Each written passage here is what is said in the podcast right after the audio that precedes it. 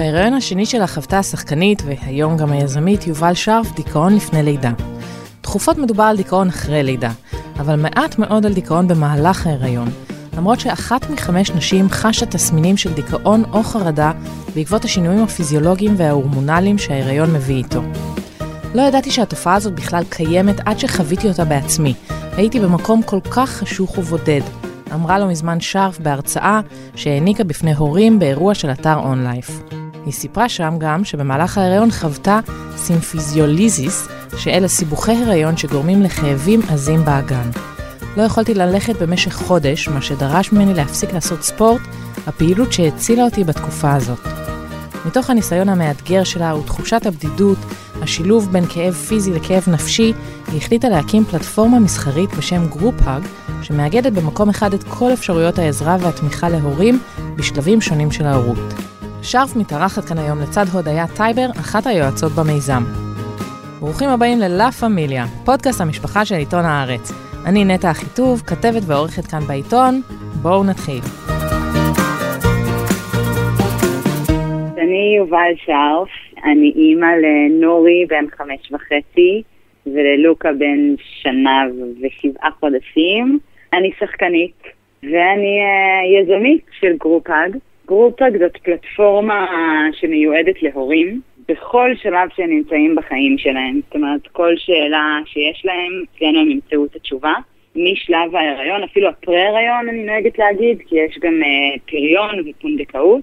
כל שלב ההיריון, ה newborn, הפעוטות, עד למתבגרים, שזה כולל גם דברים שהם יותר טיפוליים, כמו קשב וריכוז, קלינאיות תקשורת, תזונה, פגים וכולי. ואנחנו בעצם אה, פלטפורמה שמרכזת את כל מומחי ההורים הכי טובים בישראל, ונותנת אה, ייעוץ הורי אונליין, ובאמת נותן אפשרות להורים לקבל את הידע הזה באופן מאוד נגיש ובאופן שהוא קבוצתי וקהילתי. אה, ב-35 שקלים הם יכולים לקבל את השירות הזה, וזה משהו שהופך את זה ללא nice to have, אלא must have. מצטרפת אלינו לשיחה גם אחת מהיועצות של Group Hug, הודיה טייבר. אני הודיה, ואני קודם כל אימא לשירה, בת שבע, יונתן, בן חמש, ומאיה בת שנה ושבעה חודשים, ואני מאמנת הורים וילדים לכלים פרקטיים בהורות. כמובן שאני חלק מהמומחים ב Group Hug, אתן לא חשות שיש אה, אינפלציה בשירותים שמציעים היום להורים? זאת אומרת, יש שפע של הדרכות ושיטות, ובעצם נכון. אה, זה קצת מעמעם את האינטואיציה ההורית הטבעית אה, שנולדנו איתה, וגם עשוי לערער את הביטחון העצמי של הורים שחושבים שהם צריכים לדעת הכל ולקרוא הכל ולעשות את השיטה הזאת, ואולי הם בחרו בשיטה הלא נכונה, במקום פשוט לזרום עם האופי של הילד, של ההורה. זה נולד הרבה קודם, זאת אומרת, once היה לנו גוגל, אז השפע נמצא שם. ומה שיפה בגרופאג זה שבתוך כל השפע, זה הנקודת שפיות, כן היכולת שלי להתמקד. כי בתוך גוגל אני אמצא מלא עצות ומלא גישות, ואני לא באמת אזרום, כן? כי בואו, אנחנו בעידן אחר, אנחנו בעידן חדש, אנחנו רוצות להיות הכי טובות בזה והכי טובים בזה, ולראות את ההורים הכי טובים, אז במציאות לא באמת מתאפשר בעידן החדש. שיש שפע של תוכן והוא זמין לכולם. אבל uh, תינוקות הם uh, לפעמים כאלה, הם לא uh, תוכנה אני, לפי בקשתנו. לי, אז הנקודה שלי היא אחרת, כי זה מה שהוביל אותי בסוף ללמוד. אני עם הילד השני שלי, היה לי מאוד מאתגר ברמה שזה כמעט הוביל אותי לדיכאון אחרי לידה.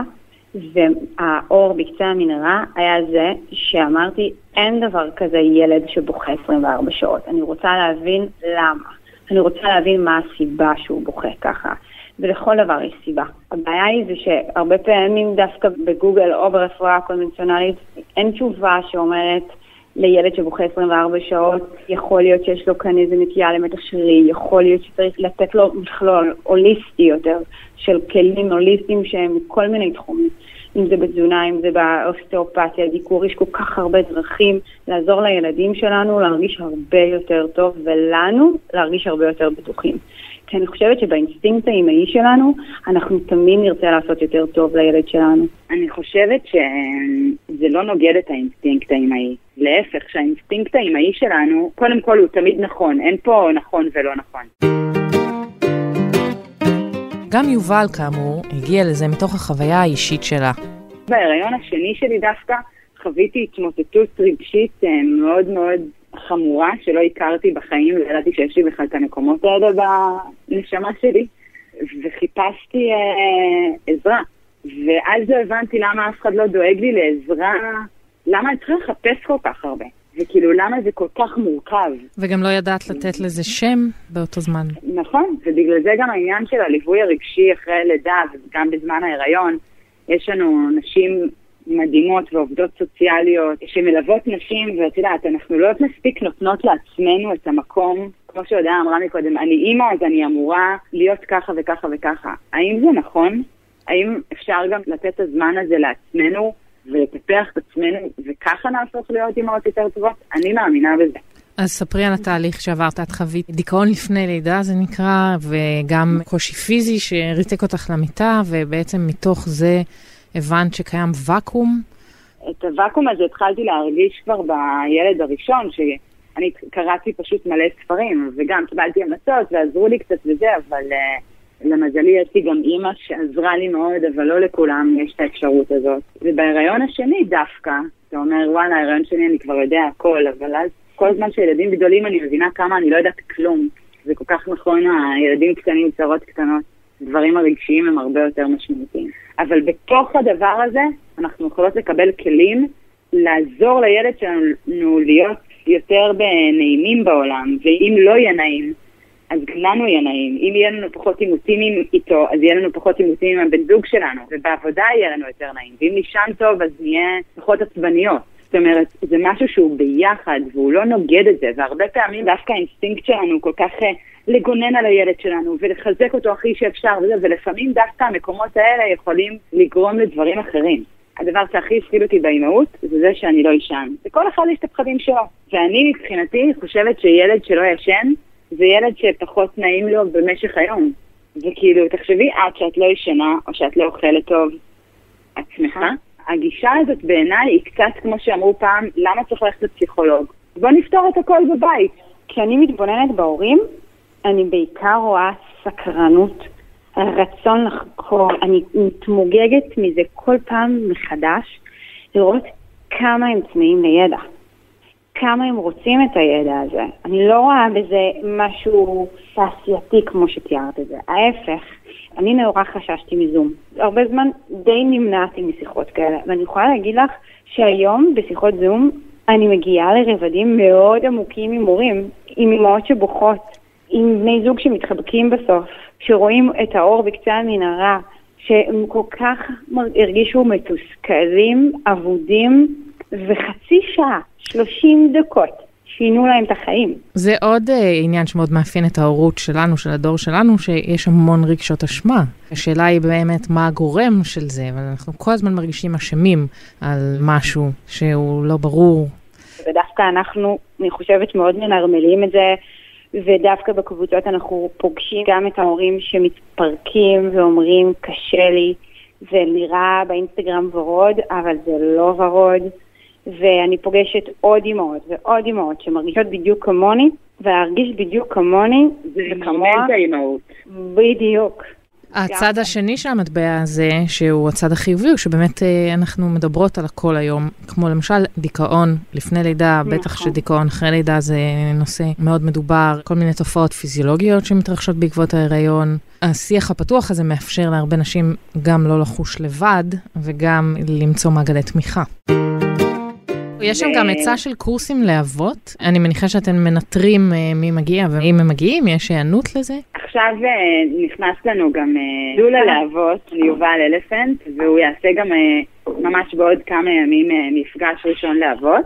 אז ויש לנו גם עוד אימא מאמנת, רעות, שגם עשה מפגשי אבות, היו להם כמה מפגשים, זה מדהים, כי גם האבות, כמו שהודיה אמרה על כל העידן החדש, אז אנחנו חיות עם האבות החדשים, את יודעת. כן. אבא שלי לא היה אבא פעיל כמו ששלומי הוא אבא פעיל. Mm-hmm. ולאבות יש מקום uh, מאוד מאוד uh, מרכזי, והם חוטפים כאפה לא פחות קטנה מאיתנו, במיוחד אחרי ההיריון הראשון. וכפי שאומרת הקלישאה, שבדיעבד תמיד מתגלה איכשהו כצודקת, משבר הוא גם הזדמנות לצמיחה. אם מצליחים לטעון אותו במשמעות, אז בפרספקטיבה לאחור הוא מקבל תצורה פחות אקראית ויותר מפורשת. ככה מרגישה שרף שניתבה את הכאב להקמת המיזם שלה לצד שני השותפים. יובל, את מרגישה שעברת את כל המסע הזה ואת ההיריון המאוד uh, מאתגר בשביל שהדבר הזה ייוולד? וואי, כל כך. את יודעת, אומרים שכל ילד מביא משהו חדש לך כבן אדם, כאילו אני מאוד מאוד חוויתי את זה עם שני הבנים שלי, ואני ממש מרגישה שהייתה סיבה לדבר הזה. אני עוד בזמן ההיריון אה, הבנתי שאני רוצה לעשות אה, אה, משהו כזה שיתמוך בנשים בהתחלה, זה היה, זה עבר הרבה הרבה גלגולים. ואז חברה שידכה בינה לבין רוני פייסלוביץ', שצירפה למיזם את אודי דגן, והשלושה יצאו לדרך. נפגשנו שלושתנו, ופשוט זה היה פיצוץ של אנרגיה שהבנו שזה קורה, ואז בעצם פיתחנו את Group Hug, את הרעיון של הפלטפורמה הזאת שנותנת ייעוץ אונליין שמאגדת בתוכה את כל המומחים. בהתחלה באמת תכננו לעשות את זה רק בגילאי 0 עד 3, רצינו יותר להתמקד, ואז, ואז הגיעה הקורונה. זאת אומרת, אנחנו שלושה או ארבעה חודשים לפני הקורונה סיימנו לפתח את המוצר, והתחלנו לגייס אה, נשות מקצוע, ואפילו חיפשנו השקעה בזמנו, ורצינו לתת בצורה אחרת. ואז הכל התפוצץ, הגיעה הקורונה ואמרנו שיט, כמעט הצלחנו להרים את זה ועכשיו כל העולם נעצר ונכנסנו לדיכאון שבוע ואז אודי אמר, תקשיבו, העולם uh, צריך אותנו.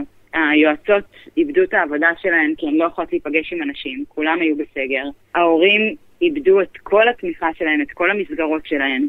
הם אבודים והם צריכים עזרה, וזה ווין ווין. כאילו, אנחנו חייבים לצאת לדרך. לא משנה מה. בוא נצא, גם אם זה לא מושלם, כל הזמן אמרנו, זה עוד לא מספיק טוב כמו ש... ותודה לאל, מצאנו באמת את הנשים המדהימות שהלכו איתנו בדרך, ויצאנו באמונה משותפת uh, של שני הצדדים. אני מבקשת משרף לסכם עם איזו תובנה אישית שיכולה לשמש את הכלל, וזה מה שהיא בחרה לומר.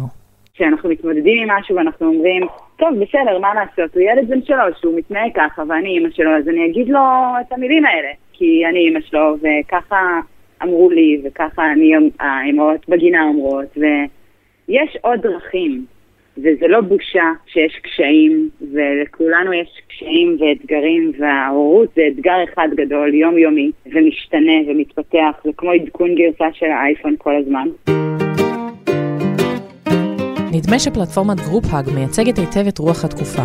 היא יושבת על הצומת שבה נפגשות מהפכת הידע הגדולה, שהביאה איתה הטכנולוגיה הנגישה לכולם, לצד גישת ההורות מבוססת הידע, זו שמסוגלת לדבר גם על החלקים הקשים ביחסים האינטנסיביים והמשמעותיים ביותר בחיינו. עד כאן לפרק הנוכחי של לה פמיליה. הפרק הזה הוא האחרון לעונה הראשונה של הפודקאסט שלנו, אנחנו יוצאות לפגרת חגים, ואחריה נחזור עם מלא תוכן חדש ומעניין. נועה לימונה ואני רוצות להודות למאיה בניסן ודן ברומר על כל ההקלטות העונה, ותודה מיוחדת לאמיר פקטור, מי שעורך את כל זה בכישרון והשקעה. אתם מוזמנים להירשם כמנויים לפודקאסט שלנו בפלטפורמה החביבה עליכם, וליהנות מכל הפרקים שהקלטנו עד היום. תודה לכם שהאזנתם, להשתמע אחרי החגים.